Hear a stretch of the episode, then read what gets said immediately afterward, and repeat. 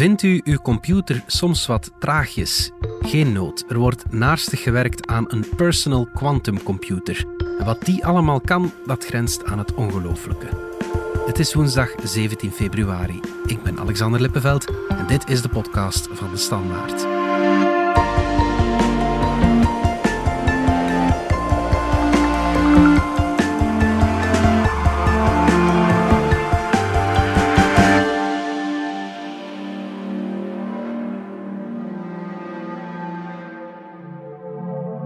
Senne Starks, wetenschapsjournalist, net als de eerste personal computer, de PC, een apparaat van IBM was, zou de eerste personal quantum computer dat straks ook wel eens kunnen zijn van hen, van IBM. Wel, dat ambiëren ze toch. Recent heeft het bedrijf een roadmap uh, gepubliceerd. Uh, waarin voor elke komend jaar een nieuwer, krachtiger en uh, beter prototype aan een quantumcomputer wordt gepresenteerd. Mm -hmm. Die modellen die dragen de namen van vogels. De Falcon, die hebben we al. Die, die kwam uit in 2019. Mm -hmm. De Eagle, die zou er dit jaar moeten aankomen. En dan is er de Condor, het laatste model in 2023. Die laatste zou met meer dan 1000 qubits werken. De Canadese premier Justin Trudeau doet hier een poging om het principe van een quantumcomputer uit te leggen. Very simply, normal computers work uh, by... Uh... Don't... Don't interrupt me. When you walk out of here, you will know more. Well, no, some of you will know far less about quantum computing, but most of you, normal computers work uh, either there's power going through a wire or not. It's one or a zero. They're binary systems. Uh, what quantum states allow for is much more complex information to be encoded into a single bit. Regular computer bit is either a 1 or a 0, on or off. A quantum state can be much more complex than that because, as we know, uh, things can be both particle and wave at the same times, and the uncertainty around quantum uh, states uh, allows us to encode more information into a much uh, smaller computer. So uh, that's what's exciting about quantum computing, and that's what we're doing. Um, dat is een verdienstelijke poging. Een applaus kan ik niet beloven, Senne. Maar misschien moet jij het wel eens in mensentaal uitleggen. Als we willen uitleggen wat de quantumcomputer is, moeten we eerst weten wat de bit is en de qubit. Uh, de klassieke bit, dat is de rekeneenheid van een gewone computer. Zoals je misschien weet, uh, slaat die informatie op in de vorm van een 0 of een 1, ja, een, een aan- of een uitsignaal. Ja. Uh, maar een quantumbit of een qubit, uh, zoals die wordt genoemd, kan tegelijkertijd 0 en 1 zijn. Dat is een, uh, een heel merkwaardige, bizarre eigenschap van de kwantumwereld. Maar, uh, okay. Dus als je twee gewone klassieke bits hebt, zijn er dus vier mogelijke toestanden waarin een 2-bit processor zich kan bevinden. Je hebt dan 0, 0, ja. 1, 1 en je hebt 0, 1 en 1, 0. Ja. Vier toestanden dus. Dat is nog vrij eenvoudig, ja. Dat kun je nog uh, bijhouden. De computer ja. kan zich echter maar in één toestand tegelijk bevinden. Dus die moet elk van die toestanden... Um, je moet kiezen tussen die vier scenario's. Die, ja, en die moet ja, ja. Die, die toestanden chronologisch aflopen. Dus okay. dat uh, kost tijd. Ja. Het grote verschil met de quantumcomputer is dat die die toestanden tegelijkertijd kan uh, behandelen. Ja, en wil dat dan zeggen dat hij veel meer berekeningen tegelijkertijd kan doen? Zoiets, ja. Dus, ja. dus je moet dat uh, beschouwen als uh, vier computers die in feite, vier gewone computers, die in feite parallel met elkaar zijn geschakeld. Oké. Okay. Uh, zodat die op hetzelfde moment vier berekeningen aan kunnen. Ja. Vaak wordt gezegd dat quantumcomputers exponentieel sneller kunnen rekenen dan gewone computers, maar eigenlijk klopt dat niet. Ze rekenen anders. Okay. Vergelijkend met een doolhof. Een gewone computer zou net zoals ons de ontsnappingsroute proberen te vinden door elke mogelijke uitweg uit te proberen. Ja. Door de paden één na één af te wandelen, zoals wij dat zouden doen. Mm-hmm. Een quantumcomputer probeert alle paden tegelijkertijd uit en geraakt zo natuurlijk veel sneller uit het doolhof. Ja, dat klinkt alsof quantumcomputers ja, echt fantastisch zijn als die zoveel berekeningen tegelijkertijd kunnen doen. Waarom hebben we er dan nog geen? Wel, quantumcomputers zijn natuurlijk heel moeilijk te maken, dat raad je al waarschijnlijk. En vooral omdat die qubits of quantumbits heel moeilijk stabiel zijn te houden. Mm-hmm. In een quantumcomputer moeten de qubits uh, daarom in een toestand van uh, zogenaamde superpositie zijn. Mm-hmm. Wat betekent dat ze op een mysterieuze, iets wat magische, maar toch nog wetenschappelijk verantwoorde manier met elkaar verbonden zijn. Okay. Quantumfysici noemen dat verstrengeling. Dus uh, de qubits zijn, uh, zijn met elkaar verstrengeld. Mm-hmm. Dat vervliegt echter heel snel, waardoor uh, die qubits bijvoorbeeld moeten gekoeld worden tot vlak boven het absolute nulpunt. Mm-hmm. En zelfs als fysici dat doen, kunnen ze nog maar een paar tientallen qubits uh, aan elkaar knopen. Mhm. Nu herinner u, een uh, gewone computer bestaat uit miljoenen of zelfs miljarden uh, bits. Ja, ja, ja, inderdaad. En dan nog, die zogenaamde mini-quantumprocessors van een paar tientallen qubits houden het dan nog maar een fractie van een seconde uit. Dus er is nog heel wat werk aan de winkel. Ja. Misschien een domme vraag, maar waarom heet dat een quantumcomputer? Die quantum, van waar, van waar komt dat juist? Wel, de quantum is eigenlijk eh, de kleinste energieeenheid in eh, de natuur, in het universum. Kleiner kan je geen energie overdragen. Dus eh, een energiepakketje, dat vormt het fundament van de, de microwereld waar de atomen en de moleculen leven. Goed, we hebben nog wel een weg af te leggen wat betreft die quantumcomputers, maar toch, de laatste weken zijn er wel al een aantal hoera-berichten over verschenen. Hè? Zeker. De quantumcomputers uh, zouden zelfs onze krachtigste supercomputers, dat zijn nog altijd gewone computers, maar wel superkrachtig, mm -hmm. uh, overtroefd hebben. In 2019 uh, pakte Google uit met zijn Sycamore, mm -hmm. een quantumcomputer met 53 qubits, die zogezegd sneller kon rekenen dan de Summit supercomputer van IBM. Die Summit uh, die is heel krachtig, maar toch uh, beweerden de fysici van Google uh, dat hun quantumcomputer, die Sycamore dus, mm -hmm. een bepaalde taak in, slechts in drie minuten kon uitvoeren. En die Summit zou daar 10.000 jaar over doen. Oké, okay. Dat is wel heel veel sneller, ja. Ja, dat is een enorm verschil. Maar eind vorig jaar deden Chinese onderzoekers nog beter. Ze losten met hun eigen quantumcomputer in drie minuten een vraagstuk op waar een klassieke supercomputer zomaar eventjes 600 miljoen jaar over zou doen.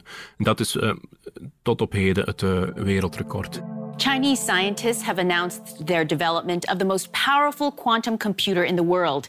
It works 100 trillion times faster than the fastest supercomputers out there. Dat is dan toch puur theorie, want je kan toch onmogelijk een supercomputer op dit moment al 600 miljoen jaar aan het werk gezet hebben. Hè? Voilà, eigenlijk uh, is het theorie, want de problemen die Google en de Chinezen hebben opgelost, en dat hebben ze wel degelijk gedaan, die quantumcomputers uh, hebben gewerkt, mm -hmm. uh, die problemen waren eigenlijk tri triviaal, zonder, zonder praktisch nut. Okay. Er waren rekenoperaties die bovendien zo gekozen waren dat het verschil in rekentijd met gewone computers immens was. Ja, okay. Nu, ik zou die twee quantumcomputers van Google en van de Chinese onderzoekers niet echt zo benoemen, want zelfs die drie minuten waren wel gelogen.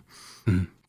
Langer dan een fractie van een seconde, zoals ik al zei, houden, een, houden die quantumcomputers het niet uit. Wat die onderzoekers gedaan hebben, is in drie minuten gewoon uh, miljoenen keren hetzelfde probleem behandeld. Waarna, Ja. de, waarna ze een uh, statistisch uh, betrouwbaar resultaat kregen. Oké, ja. De onderzoekers mogen dan wel de zogenaamde quantum supremacy of uh, quantum heerschappij hebben geclaimd.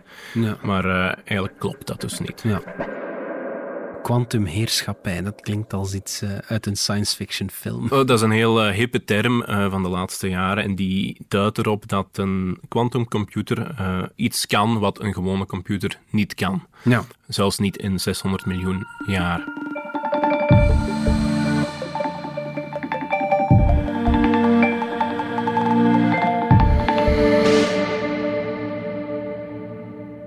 Professor John Preskill legt hier quantum supremacy uit, een term die hij heeft bedacht. By quantum supremacy, we mean a quantum computer that does something that can't be matched by the most powerful computers that we have today, or at least would be very hard to do. IBM was trouwens niet erg opgezet over dat nieuws van Google, die claim van kwantumheerschappij. Het feit natuurlijk dat ze hun eigen uh, supercomputer uh, een beetje in het belachelijke trokken. Ja. Volgens IBM had Google gewoon een heel gespecialiseerd stukje hardware gemaakt dat welk deel één taak kon uitvoeren. Een one-trick pony, zoals ze in het Engels zeggen. Quantum supremacy has been achieved. That can be very misleading because it doesn't mean you can throw your ordinary computer away because quantum computers are now supreme.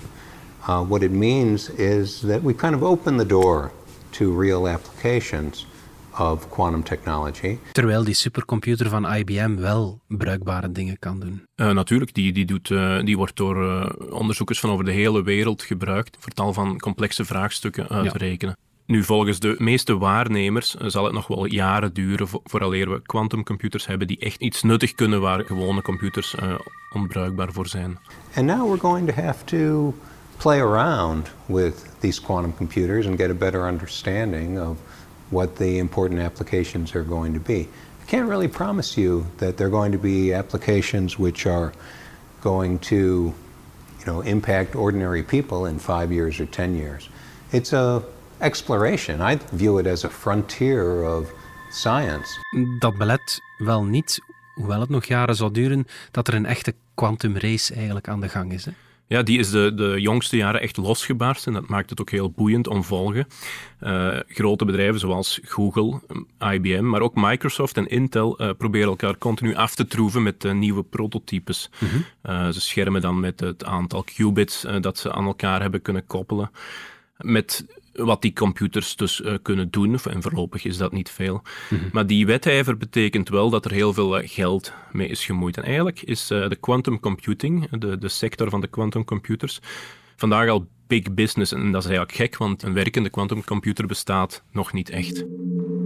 Dat heeft alle kenmerken van een hype, denk ik dan. Het heeft er veel kenmerken van. Toen ik die vraag een paar weken geleden stelde aan Bob Koeken. Mm -hmm. uh, dat is een uh, Belg die aan de Universiteit van Oxford werkt rond quantum computing. Mm -hmm. Die noemde dat een self-fulfilling prophecy. Ja. Dat grote bedrijven er fors in investeren zorgt er namelijk voor dat we straks echt quantumcomputers krijgen, mm -hmm. zei hij.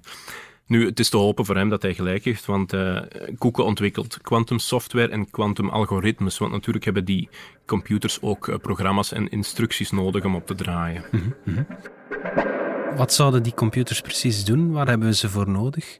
Want als ik naar mijn dagelijkse leven kijk, uh, een quantumcomputer, dat, dat, dat lijkt me niet iets nuttig voor op het uh, kantoor.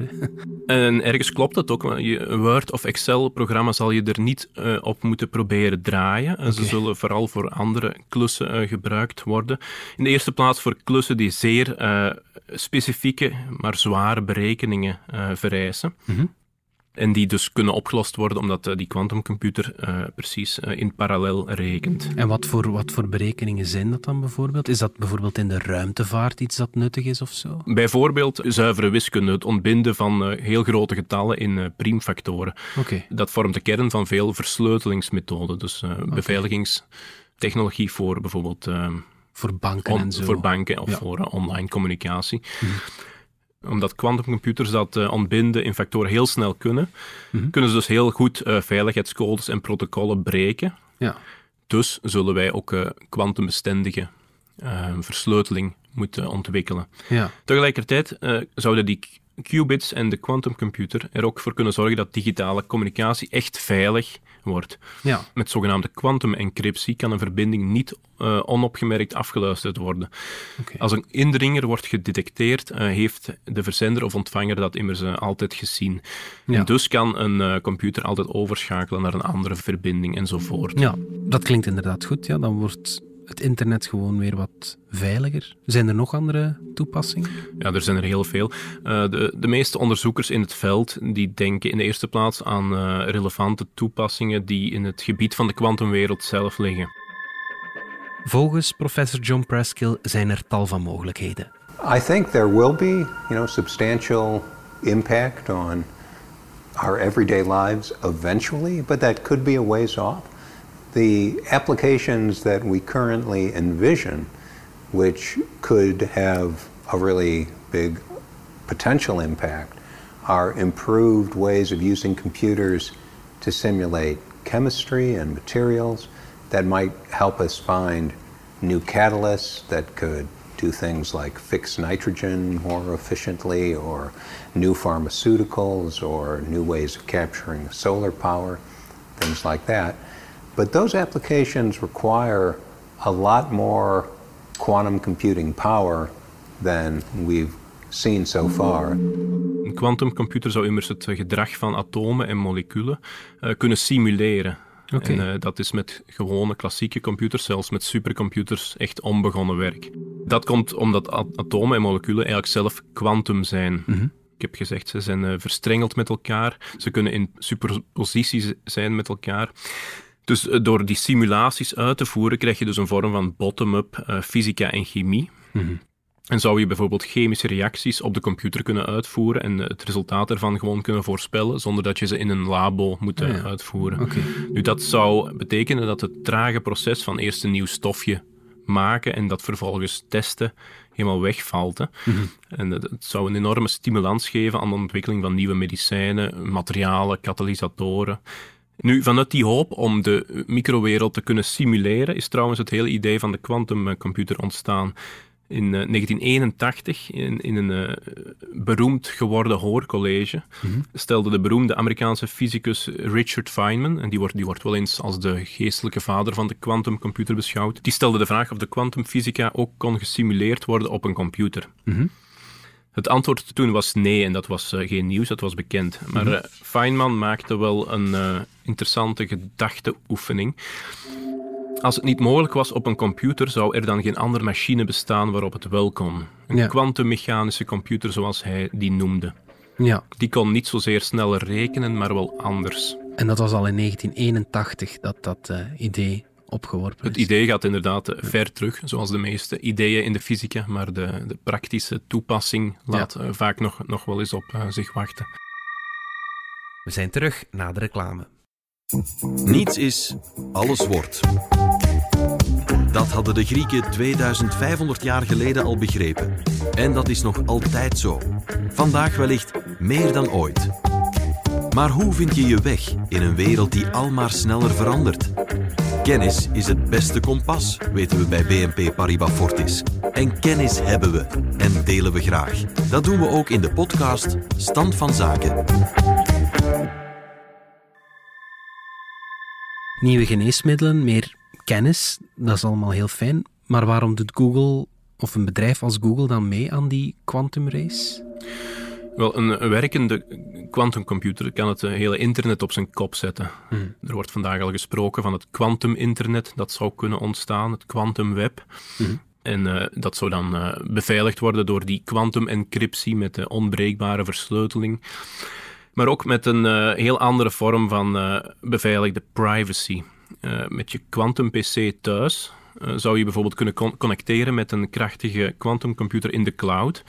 En dan zou je daar bijvoorbeeld je programma's kunnen uitvoeren. Oké. Het leuke is da- dat die cloud service nooit te weten kan komen wat je precies hebt gedaan zonder dat jij erachter komt. Ja, oké. Maar ook eh, Google zelf, de zoekmachine, zou een update kunnen krijgen. Bob Koeken, die ik al heb eh, vernoemd, die dus in Oxford aan quantumsoftware sleutelt, die werkt momenteel aan een quantum-algoritme dat begrijpend kan lezen. Eh, dat algoritme herkent dus niet alleen afzonderlijke woorden, zoals Google nu doet, maar het, eh, het verstaat ook de grammatica en, eh, van complete zinnen en teksten. Ja. Het is zelfs al zo ver gevorderd dat het, zo gezegd, tussen de regels kan lezen. Oké, ja. Het begrijpt echt teksten. Ja. Dat kan omdat taal zich net als de microwereld kwantum gedraagt. Hoe woorden en zinsdelen met elkaar zijn verbonden, lijkt sterk op de manier waarop eh, elektronen bijvoorbeeld in superpositie met elkaar zijn. want, want in beide gevallen is het eh, essentie het netwerk. Los van elkaar hebben woorden niet de juiste betekenis, bijvoorbeeld. Net zoals de eigenschap van atomen of eh, moleculen pas eh, verschijnen eh, door de verbindingen tussen de deeltjes. Een eh, vroegere collega van Koeken werkt trouwens momenteel bij de Amerikaanse zakenbank Goldman Sachs, waar hij de nieuwe quantum-divisie leidt. Dus het ziet er uit dat quantum computing ook de financiële wereld op zijn eh, kop gaat zetten. Heb je ooit al een quantumcomputer gezien, Senne? Wel, ik ben eens op eh, bezoek geweest bij IBM in Zurich, eh, het Europese hoofdkwartier. Daar hebben ze inderdaad een quantumcomputer staan. Nu, eh, aan de buitenkant ziet het er niet zo spectaculair uit. Het, het is gewoon een labo waar een, een cilinder van een meter hoog aan het plafond hangt. Maar als je die, dat omhulsel eraf doet, dan zie je een soort van gouden luster waarvan alles en nog wat aanhangt. Oké. En dat zijn dan die qubits. Ja. En kan je die qubits dan zien? Wel, de qubits natuurlijk zelf niet, dat, dat is informatie. En je ziet het, het equivalent van de transistor, eh, de fysieke eh, representatie van die qubits. En eh, die, die hangen daar dus in. Ja, oké. Senne, ik moet binnenkort een nieuwe computer kopen. Is het nog de moeite waard om te wachten tot alles quantum is? Of, nee, Alexander, daar moet je echt niet op wachten. Eh, We zijn er nog lang niet. Het gaat nog jaren duren voor die commercieel beschikbaar zijn. Ja. En in die zin is het ook wel een beetje een eh, hype natuurlijk. Hè. Nu, ik heb gemerkt dat eh, de nuchtere onderzoekers in dit wereldje liever spreken van een eh, andere term dan kwantumheerschappij, namelijk kwantumbruikbaarheid. als streefdoel. En wat wil dat zeggen? Wel, dat, dat houdt in dat je een quantumcomputer een relevant probleem laat oplossen, ja. uh, dat een gewone computer niet kan oplossen. Geen probleem dat gecreëerd is om aan te tonen dat hij het kan. Voilà, maar dus echt, een, echt, een, echt een, uh, een operatie waar je iets aan hebt. Ja. maar daar zijn we dus nog lang niet. Zoals met die Condor van IBM, die dus uit duizend qubits bestaat, mm -hmm. zijn we er nog lang niet. Een, een goed functionerende quantumcomputer moet behalve voor het rekenen ook nog eens duizenden tot zelfs miljoenen qubits hebben voor de zogenaamde foutcorrectie. En laat dat net het uh, grootste obstakel zijn ja. in de ontwikkeling. Mm -hmm. En waarom is dat dan een obstakel? Wel, zoals elke computer moet ook een quantumcomputer uh, veel bewerkingen na elkaar kunnen uitvoeren. Ja. Maar daar uh, treden dus constant verstoringen op. Hè. Zoals gezegd, die, die qubits zijn heel fragiel. Ja. En moet er dus constant worden gecorrigeerd. Eigenlijk komt het erop neer dat de fouten sneller moeten worden hersteld dan dat ze worden gemaakt. Oké, okay, ja. En daar heb je enorm veel extra controle qubits voor nodig. Okay, ja. Pas als die er zijn en als ze ook zijn geïntegreerd in een uh, machine, uh, dan kunnen we spreken van een universele quantumcomputer die echt dingen sneller kan uitvoeren dan gewone computers. Mm -hmm, mm -hmm. Laat ons over een aantal jaar nog eens afspreken en zien waar we staan. Dan kom ik terug. Goed, dankjewel, Senne Starks. Dit was de podcast van De Standaard. Bedankt voor het luisteren. Reageren kan via podcast.standaard.be. Alle credits vind je op standaard.be-podcast. Morgen zijn we er opnieuw.